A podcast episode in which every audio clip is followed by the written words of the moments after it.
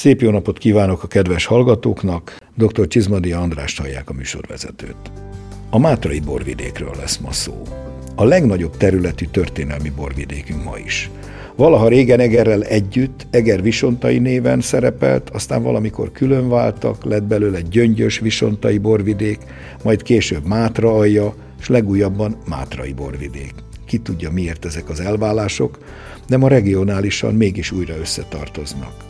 Mindig is kiváló borokra volt képes a vidék, bár a stílus korszakonként változott. Régen valamikor főleg fehérszőlő, majd a 19. század nagyjából a kadarkáé volt, a filoxéra vészig, aztán új élet kezdődött, ma inkább megint a fehér szőlő dominál, de azért a kék szőlőben sincs hiány.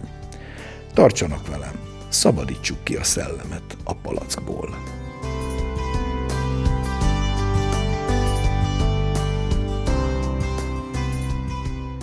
A Mátrai borvidék a Mátra vidékén már a honfoglalás előtt itt élő népek is foglalkoztak szőlőműveléssel, borkészítéssel. Szent István király idején már nagy hagyománya volt a szőlőtermesztésnek. Írásos emlékeink a terület szőlővel, borral kapcsolatát az 1040-es években említik először. 1042-ben Saár határában zárdát építettek, melyhez szőlőbirtok is tartozik.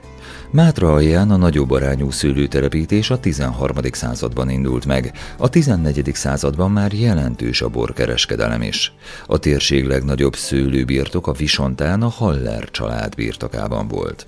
A Kárpátok hegykoszorúja óvja a medencét a zord időktől, a Mátra hegység déli, délnyugati lejtőin a sok napsugár érleli a bogyókat, a régi tűzhányók talaja pedig minden jóval ellátja a szőlőket, hogy tüzes, illatos, jó bort teremjen. Ez a hely, ahogy mondják az itteniek, ahol a nap és a hegy összeér. Az itt érlelt bor hidat ver az emberek között, barátságot köttet ember és ember között. Napjainkban a borvidékhez tartozó 22 településen termesztenek szőlőt. A körzet kiemelkedő bortermelő települései Abasár, Markaz, Visonta, Nagyréde, Gyöngyöspata, Gyöngyös Tarján és Gyöngyös Solymos.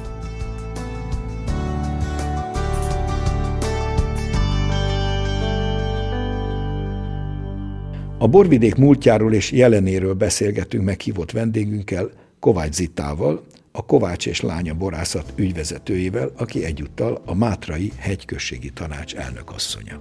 Vázoljuk fel a borvidék elhelyezkedését. Nyugaton tudjuk, hogy nagyjából 60 városa, meg a Zagyva vonala, keleten pedig a Tarna folyó határolja. Mennyi a lehetséges szőlőfelület, és mennyi a ténylegesen művelés alatt álló manapság? Hát igen, Mátrai borvidék. Ugye behatároltuk elég szépen, de ugye Magyarország második legnagyobb borvidékéről beszélünk, hogyha a területét nézzük. Hát az Alföld nagyobb, de a történelmi közül mindenképpen Igen, és ugye első. a történelmi borvidék, és ugye a hegyvidéki borvidékek közül is ő az első. Jelen pillanatban a mi adataink szerint egy kb. 6500 hektár az, ami a Mátrai borvidékhez tartozik. És ebből mennyi az aktív? Meglepő, mennyi? meglepő, de ennek majd, hogy nem a 70%-a aktív terület.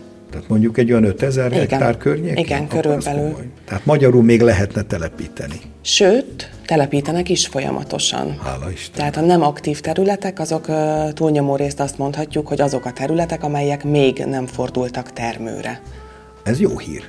Igen, azért a, a Mátrában látom, hogy évek óta nagyon nagyon nagy lelkesedés van még mindig a szőlőtelepítésekre, illetve ugye nagyon sok esetben nem új telepítésről beszélünk, hanem ugye a régi ültetvények átalakítására. A felújítások. Uh-huh.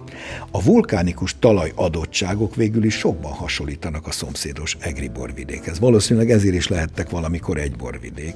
Vajon miért választották szét valamikor ezt az egységes borvidéket? Van erre valami racionális válasz? Tudunk egyáltalán? Szerintem racionálisat nem tudunk rámondani, bár ha már a vulkanikus mi voltját említjük a borvidéknek, akkor én azért szeretem kihangsúlyozni, hogy ugye a Mátra andezit. Az inkább alap. andezit. Eger Igen, meg inkább Eger meg riolit. Ha, lehet, hogy ez volt az ok. Miért hívjuk most mégis Mátrai borvidéknek, miközben valójában ugye a Mátra alja szerintem helyesebb volt, hiszen a szőlők végül is a Mátra alján fekszenek, és nem a Mátrában a hegységben. Viszont uh, itt már sokkal inkább emberi tényezők domináltak. Így rövidebb. Egyrészt rövidebb, Másrészt pedig nagyon vicces a történet, ez körülbelül egy, szerintem egy ilyen 15 évvel ezelőtt volt ez a váltás, hogy Mátra aljáról Mátrai, mert hogy a Mátra alját azt nagyon sokan ilyen, ilyen lekicsinylőnek találták. És ezért jött az ötlet, hogy akkor legyen mátrai borvidék, egyrészt rövidebb is, és hát ugye itt már jönnek az összefonódások, hogy ugye a Mátrai borvidék logója jelen pillanatban egy őzike, ami ugye a versből Mátra a ilyen falu szélén. falu szélén, így van, és ugye ott is a Mátra alja, de még a mai napig nagyon sokan használják a Mátra alja megnevezést. A borstílusokról beszéljünk. Hogyan változtak? Ugye említettem a bevezetőben, hogy voltak fehér korszak, aztán vörös korszak, aztán most megint inkább fehér, vagy, vagy talán már inkább egyre inkább vegyes korszakról beszélünk. Tehát mi a helyzet manapság? Mik a vezető fajták? És fehérben és vörösben is mi az, ami dominánsnak látszik? Ugye itt is menjünk egy picit vissza a múltban, mert nagyon sok vita van a mai napig arról, hogy na most akkor a mátrai borvidék az fehérboros vagy vörösboros vidék. És hogy, hogy nagyon sokáig azt mondták, hogy hát csak a fehérborok. Ugye még annó én is, mikor kutakodtam itt a borvidék múltjába, ugye a bevezetőben említettük a, a kadarkát, ugye kadarka és furmint, ez a két szőlőfajta volt a filoxéra előtt, ami megtalálható volt a borvidéken. Ugye ez nekem egyértelmű választ is ad arra, hogy akkor most miért kellene... Miért kéne szembe helyezni? Pontosan. Miért kell ennyire beállítani egy borvidéket csak egy stílusra vagy egy ö, fajtára? Eleve méretéből adódóan nem is lehet a borvidéket. Úgyhogy volt furmintunk kadarkánk filoxéra, és milyen érdekes, hogy utána a kadarka egyáltalán nem jött vissza a borvidékre. A mai napig nem tudok róla, hogy lenne kadarka ültetvény a borvidéken. És a furmint vissza? Furmint. De az is csak kicsit. Egy hektár furmint jött vissza jelen pillanatban a borvidékre. És akkor utána valamiért ugye, itt leginkább, legyünk őszinték, tehát a tömegtermelés volt a meghatározó. Mint mindenütt az országban. Mint mindenütt az országban, és ennek megfelelően helyeződött a hangsúlya az illatos fajtákra, amik azért elég jól tudtak teremni, és a mai napig is jól tudnak teremni. Kiválóak bizony. Úgyhogy írsai olivér, muskotályos fajták, szürkebarát, tramini az, ami, ami jelen pillanatban is a legnagyobb felületen található a, a borvidéken. Viszont ugye megjelentek időközben a, a kékszőlők újra. Nagyon sokáig ugye azt mondtuk, hogy a Mátra az a hűvös éghajlatú borvidékek közé tartozik, Na hát a globális felmelegedés Ez már nem állja meg a helyét, így van, így van. Különleges fajtákhoz is egyre inkább nyúlnak a borászok és a szőlészek.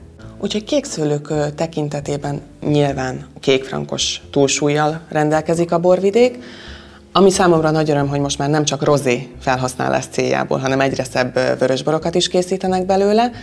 És hát bizony megjelent a, a Cabernet Franc is jó adottságú területeken, és például a szirá, amit most mindenképpen kiemelnék. Mert hogy, mert hogy nagyon izgalmas szirák jönnek a borvidékről. Csodálatos fajta, szerintem. Hát ha Egerben jól áll, akkor miért ne lenne jó a Mátrában? Pontosan. Most úgyis, mint hegyközségi tanácselnök asszonyát kérdezem, mi általában megfogalmazható-e a mátrai stratégia, borstratégia, hol tartanak, és egyáltalán milyen sikereket tudhat magának a borvidék? Körülbelül 12 évvel ezelőtt elindult egy, egy szlogennel a borvidék, ez pedig a friss illatos gyümölcsös borok hazája. Valamiért az évek alatt többen úgy érezték, hogy ezt meg kell változtatni, mert hogy a, a könnyed jelző, vagy az illatos könnyed borok, az, az picit talán lekicsinyíti a borvidéket. Aztán mit ad az Isten? Most mégis visszakanyarodtunk ehhez, mert hogy ez a borvidék alapja, és jelen pillanatban is az egész borvidéki termékpiramisnak és a stratégiának ez adja az alapját, a friss, illatos, gyümölcsös borok. Mert hogy nem kerülhetjük ki, ebből van a legtöbb a borvidéken, és azért legyünk őszinték, egyre szebb és izgalmasabb, és nagyon szép sikereket elért illatos borok érkeznek a borvidékről. Ha csak azt nézzük, hogy a legutóbbi országos borversenyen a legszebb fehérbor, a legszebb illatos fehérbor, mind-mind a Mátrai borvidék borászai közül került ki. Jelen pillanatban ugye a Magyarországi újborversenyen is champion díjat kapott a Mátrai Sauvignon Blanc, top százak között ott vannak a, a mátrai borok, úgyhogy egyre inkább érezhető azt, hogy a fogyasztói szokások is most jelen pillanatban nekünk kedveznek, mert hogy abszolút uh, most ez alakult ki, ezek az illatos, gyümölcsös borok fogyasztása, és én azt mondom, hogy vállaljuk büszkén, hogy, hogy ezt itt mi a Mátrai borvidéken ilyen fantasztikusan tudjuk készíteni.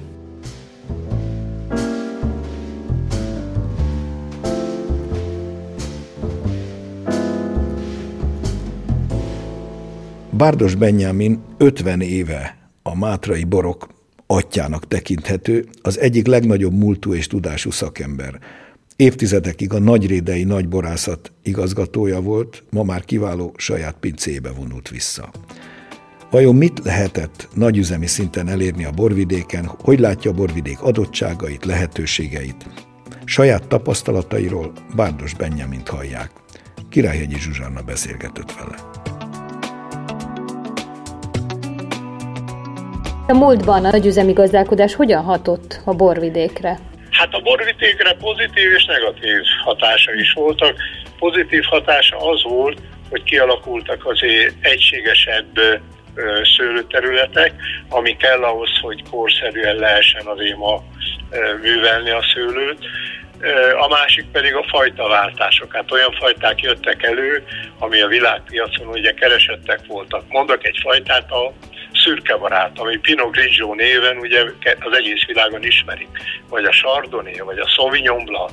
Tehát ezek a világfajtáknak a telepítése elindult az utóbbi 30-40 évben. Mert erre volt kereset. A kékszülőn is ugyanígy a Cabernet Sauvignon. Ez pozitív dolgok voltak. A következő része ugye a piac. Tehát hogyan lehet ezeket eladni. Most ezek a nagyobb pincék, ezek azért valahogy megoldották ezt az eladási problémát, mint például Nagyréde is. Mert ebben meghatározó volt Nagyréde, ahol én is azt a 40 évemet lehúztam. És mik a negatívumok? Hát a negatívum az volt, hogy azért mégis ez egy olyan helyzetbe zajlott, amikor hát ugye azzal a bizonyos szövetkezeti rendszerrel a, a, a, az embereknek a földjét, hát mondjuk úgy ki, és egyszerűen, hogy elvették, ugye? Uh-huh. Tehát mindenki elvesztette a tulajdonát, amit ugye a privatizációkor visszakapott. Csak hát csak hát hogy kapta vissza? Hát nem egy területen kapta vissza, hanem adott esetben össze-vissza a széjjel, aminek a művelése már megint problémát jelentett.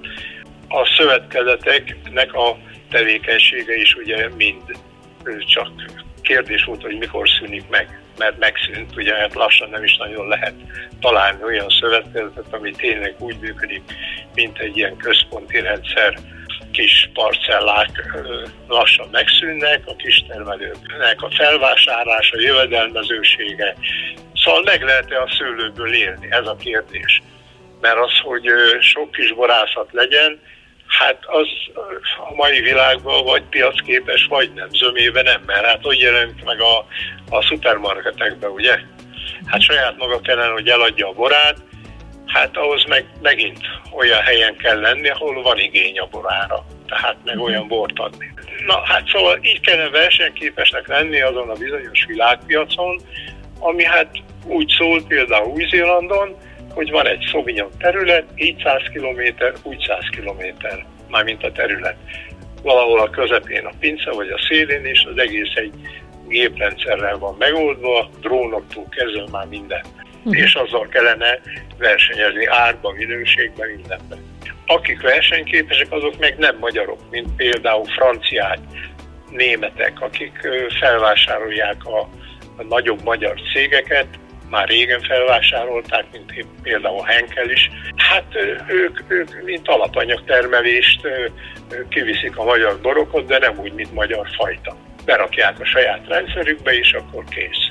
Ön hogyan látja a Mátrát? Mit jelent önnek a Mátra? Hát a Mátra nekem az egész életemet jelenti, hát 50 éve dolgozok itt. Hát azért egy 50 évet lehúzni ezen a borvidéken, meg a szakmában, az hát nem, nem olyan nagy idő, nagy időszak, mert nekem volt egy tanítómesterem, aki azt mondta, hogy nekünk egy olyan szerencsétlen szakmánk van, hogy egy élet kevés rá, hogy megtanuljuk. És igaza van neki, mert itt minden évjárat más, mindenfajta, minden évjárat a másképp viselkedik. Szóval itt nem lehet így valahol az egészet le macska körmezni, hogy na most akkor ez lesz jövőre. És most se tudjuk, hogy mi lesz az idén.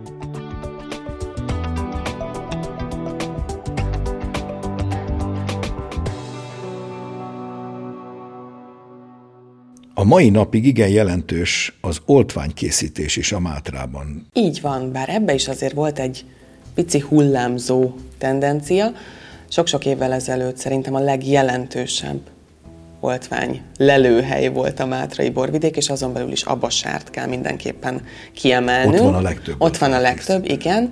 Aztán utána volt egy, hát egy pici visszaesés, és talán lehet, hogy a, az oltványkészítők lendülete is alább hagyott egy picit, és most újra azt látom, hogy, hogy kezd visszajönni, és, és szintén a régiek közül is, is nagyon sokan újra foglalkoznak oltványkészítéssel, és vannak új jelentkezők is. Mondhatjuk azt, hogy az országot nagyjából ők látják el oltványjal, vagy legalábbis az egyik legfőbb források? Ezt azért így nem merném kijelenteni, de egy nagyon jelentős forrás az abasári oltvány.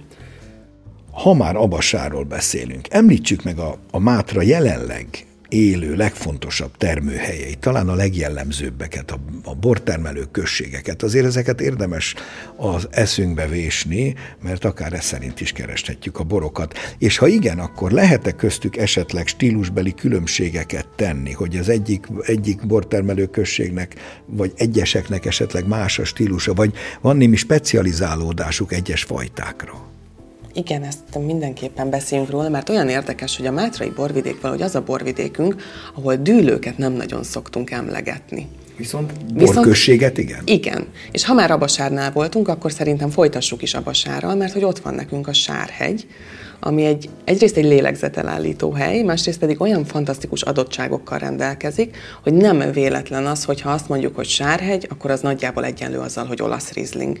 És hát ugye emlékezzünk vissza, hogy az abasári olasz rizling, mint olyan, az fogalom azért fogalom volt. volt. Még a Kádár rendszerben is az egyik legjobb bor volt. Bizony. És én nagyon, nagyon becsülöm azért az abasári termelőket, hogy ennyire hisznek ebben a fajtában, és ennyire hisznek a Sárhegyben, hozzáteszem teljesen jogosan, tehát a mai napig, ha fölmegyünk a Sárhegyre, ott ameddig a szem csak olasz rizling ültetvények vannak. Tegyük hozzá, az ország legjobb dűlőinek egyikéről van szó, egészen kiváló. Mindenképpen én is így gondolom. Most akkor a többi községről fontosabbak. Gyöngyös Tarjánt azért emelném ki, mert hogy ott található azért a legtöbb családi borászat egy helyen 11 borászat helyezkedik el Gyöngyös-Tarjánban, és ha már Gyöngyös-Tarján, akkor például Epreskert dűlő, mindenképpen, vagy a fájdomb, amit kiemelnék, és egy picit odébb ugrunk, akkor, akkor gyöngyöspatát sem tudjuk kikerülni. Másik óriási. Másik óriási lehetőség, ugye a gereg, szintén egy fogalom, és milyen érdekes az, hogy a, a, ahogy mondtuk, hogy abasáról a rizling, és ott tényleg az abasári borászok nem is nagyon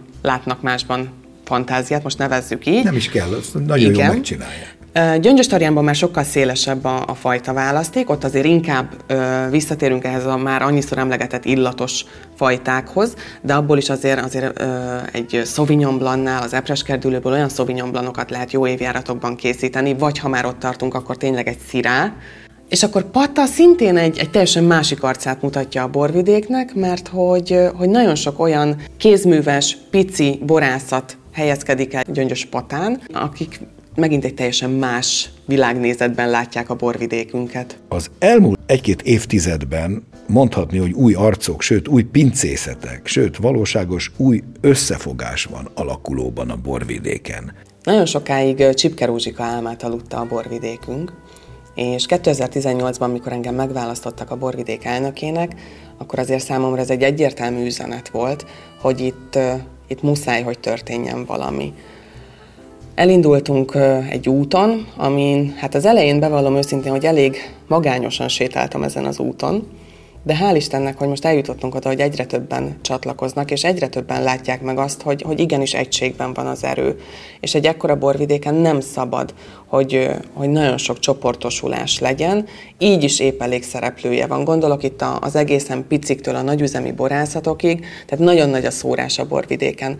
Most látom azt, hogy, hogy elindult egy olyan kezdeményezés, ahova mindenki mérettől és, és borászati technológiától, vagy éppen elképzelésektől függetlenül beállt, Úgyhogy most van az a pont, amikor megalkotjuk, én úgy gondolom ténylegesen a mátrát. Nyilván nagy szerepet fog kapni benne az illatos fajták, de nagyon-nagyon szeretnénk megmutatni azt, hogy mégiscsak egy fantasztikus vulkanikus borvidéken csücsülünk, és hogy milyen elképesztően fantasztikus, telt, testes fehérborok és ugye a már említett vörösborok készülnek a borvidéken, úgyhogy jelen pillanatban most erre építünk egy, egy hosszú távú, és, és úgy gondolom, hogy egy nagyon stabil borvidéki stratégiát.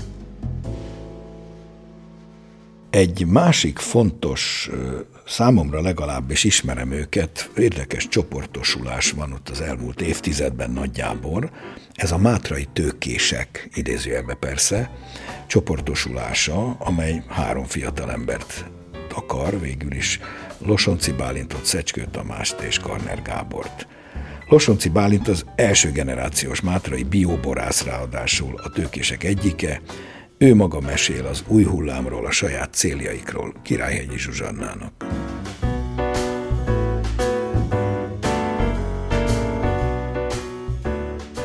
Ez egy beszédes név, nagyon örültünk, amikor beugrott annak idején a névválasztáskor. Ez a szőlőtőke kiemelt szerepét jelenti a borkészítés során, hogy mi mind a hárman abba hittünk és hiszünk, hogy hogy a szőlőtőke érezze kellően jól magát, ott próbáljuk a maximumot kihozni a, a növényből és a talajból, és utána a bor az már kvázi megcsinálja magát, ott már csak vigyázni kell rá, de az eredendő minőség az, az a szőlőtőkén születik. Milyen csoportosulás ez a mátrai tőkések, tehát hogyan fognak össze, mi az, amiben összetartanak? Elsősorban maga ez a, ezek a közös víziók és a közös módszerek, ami például a biotermesztést, a rendkívül alacsony tőketerhelést jelenti, az, hogy nem avatkozunk túlzottan bele se a növény, se a bor életében mesterséges adalékanyagokkal, és azt a, azt a célt, hogy a, a lehető legjobbat mutassuk meg a szőlőből, szóval nem elsősorban üzleti vállalkozásként tekintünk egyikünk se a kis birtokára, borászatára, hanem hanem sokkal inkább egy misszióként, hogy feltegyük a térképre újra a mátrai borvidéket, meg a termőhelyünket, a Gereget, a Vitézföldet. Magunk számára is készítünk bort úgymond,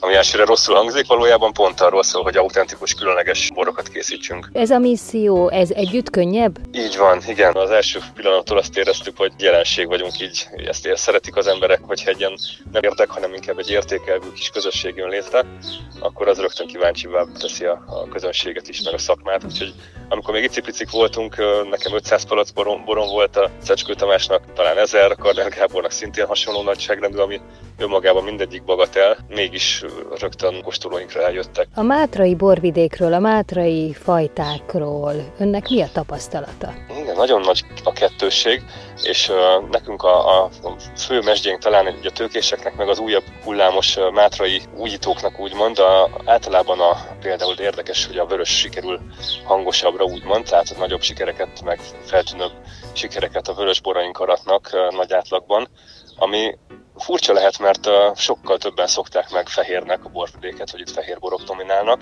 Érdekes, ez csak száz évre tekint vissza, tehát valahol a, a mi sikereink a vörössel, az, azok inkább egy visszatérést jelentenek a, a sok évszázaddal korábbi mesdjére, akkor a kadarka volt a főfajta, és az utóbbi száz év fejleménye volt csak az, hogy a, a fehérek kerültek többségbe, szóval nem klimatikus okai vannak, és ahogy melegszik a klíma, amit érzünk mi is, reálissá válik, hogy, hogy ez a visszatérés a vörösökhöz, ez jó döntés volt. Milyen fajtákból dolgoznak ön önök? Területünkön, a saját kis birtokunkon, a Lasonci Pince birtokán, a, a Pinot Noirhon a legnagyobb felületen, de amiben a legnagyobb perspektívát látjuk, és a, a legnagyobb sikereket eddig is a, a, a kékfrankosunkkal értük el, és a kollégáim nagy része is, akik a, ebben a mátrai megújulásban részt vettek, szintén ugyanezt mondhatják el 10-ből 9 körülbelül a kékfrankosra alapozza a sikerét. Teljesen más arcát mutatja itt, mint Sopronban vagy Burgenlandon talán egy kicsit vibrálóbb, gyümölcsösebb, egy modern borstílusnak is nevezhető. Önnek mit jelent a Mátrai borvidék? Tehát mire gondol, amikor ott van a birtokán, a diófa alatt,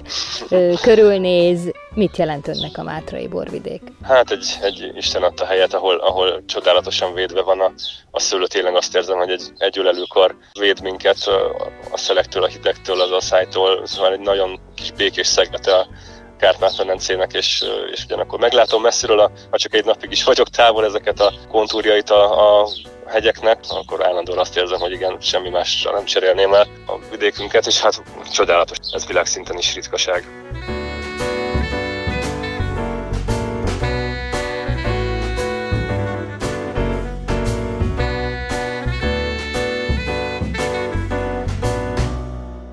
Ha már most a mátrai tőkésekről beszéltük, az jut eszembe, hogy igen jelentős generációváltás ment végbe a Mátrában is. Sok helyen is, de a Mátrában ez nagyon jól nyomon követhető. Gondoljunk itt legelső sorban is a Mátra doajennyének számító Szőke Mátyásról, Isten nyugosztalja épp most hagyott itt minket, de gondoskodott az utánpótlásról. Beszéljünk ezekről a generációváltásokról. Hát mindenki Matyi bácsia volt ő, itt hagyott minket, de az, amit a Mátráért tett, én úgy gondolom, hogy, hogy örökre fenntartja az ő emlékét. A 90-es években ő volt a Mátrai Így Bor, van. meg még Bárdos Benyámin. Így van. Ők ketten képvis, vitték a hátukon a Mátrát. Szóval igen, ez egy nagyon érdekes történet itt nálunk a borvidéken, mert úgy történt meg a generációváltás, hogy az, az szinte észrevétlen volt. Csendben, szépen, ahogy a nagykönyvben meg van írva. Egyszer csak azt vettük észre, hogy, hogy egyre több borászatnál a nagy öregek elkezdtek hátrébb, hátrébb, hátrébb állni, és szépen jött előre az utánpótlás. Egyrészt ez azért fantasztikus dolog, mert jelen pillanatban ez az új generáció, mi nagyjából mondhatom, hogy együtt nőttünk föl.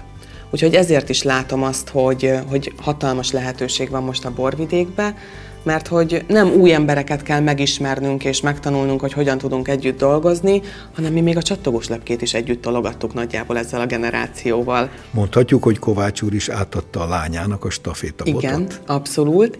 És ami a legszebb az egészben, hogy úgy adták át a stafétabotot, hogy ott állnak mögöttünk szorosan, és pontosan tudjuk, hogy ha bármi probléma van, vagy bármilyen segítségre szorulunk, akkor, akkor teljes messzélességgel támogatnak minket. Ez így helyes. Abszolút, és, és szerintem erre azért nagyon sok rossz példát is tudnánk mondani egy generációváltásra, úgyhogy én mindenképpen azt mondom, hogy ebben a Mátra az élen jár, és egy nagyon, nagyon követendő példaként szeretném én ezt mindenki elé tárni.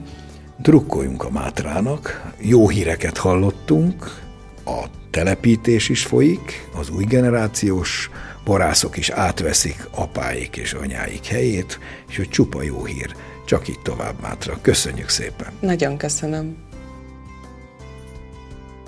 Megköszönöm Kovács Zitának, a Kovács és Lánya pincészet ügyvezetőjének, és egyben a Mátrai Borvidék hegyközségi tanács elnökasszonyának a szíves közreműködését a műsorban.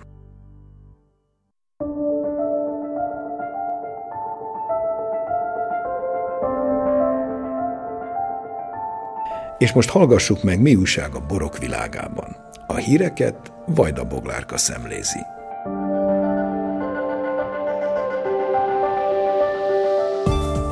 Hódítanak a tengerben érlelt borok. Több európai borász is úgy döntött, a tengerben érleli a borát, hogy még jobb íze legyen. A legjobb minőségű nedűkhöz állandó hőmérsékletre, sötétségre és persze időre van szükség. A víz alatt pedig gyakorlatilag tökéletesek a körülmények, ahogy ezt egy első világháborús hajóroncsból kimentett palackok is mutatják. 2021. szeptemberében újraindul a másoddiplomás szőlő- és borgazdasági szakmérnök szaktanácsadó képzés a Magyar Agrár és Élettudományi Egyetem Szőlészeti és Borászati Intézetében. Az immár 20 éve népszerű képzésen egyetemi oktatók, kutatóintézetek munkatársai, a hegyközségek nemzeti tanácsának tagjai és sikeres borászatok vezető szakemberei adják át tudásukat, amelynek eredményeként hallgatóik naprakész, gyakorlatorientált bor és piac specifikus tudással vehetik át oklevelüket. A hagyományokra utaló, de a jövőnek is üzenő új arculattal jelentkezik az Egri borvidék. A szárnyas bikát ábrázoló új logóval és az arra épülő arculattal először a július 21-én kezdődött Egri Vino Fesztiválon találkozhatott a közönség. A szárnyas bika motívum utal a borvidék legismertebb márkájára, az egri bikavérre, a fejlődésre és a helyi borászok lendületére is. Ehhez kapcsolódik az egri bor szenvedély ezer éve szlogen. Az új stratégia része, hogy Egerben minden évszaknak meg lesz a saját tematikája és boros program sorozata. Az idei év végén új eseményként debütál például az a rendezvény, amely a dűlős borokat mutatja be.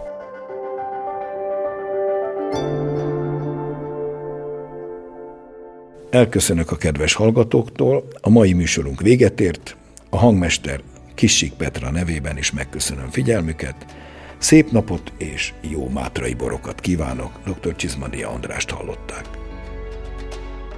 Mai adásunkat a mediaclick.hu honlapon hallgathatják meg újra. A műsort az MTV a készítette 2021-ben.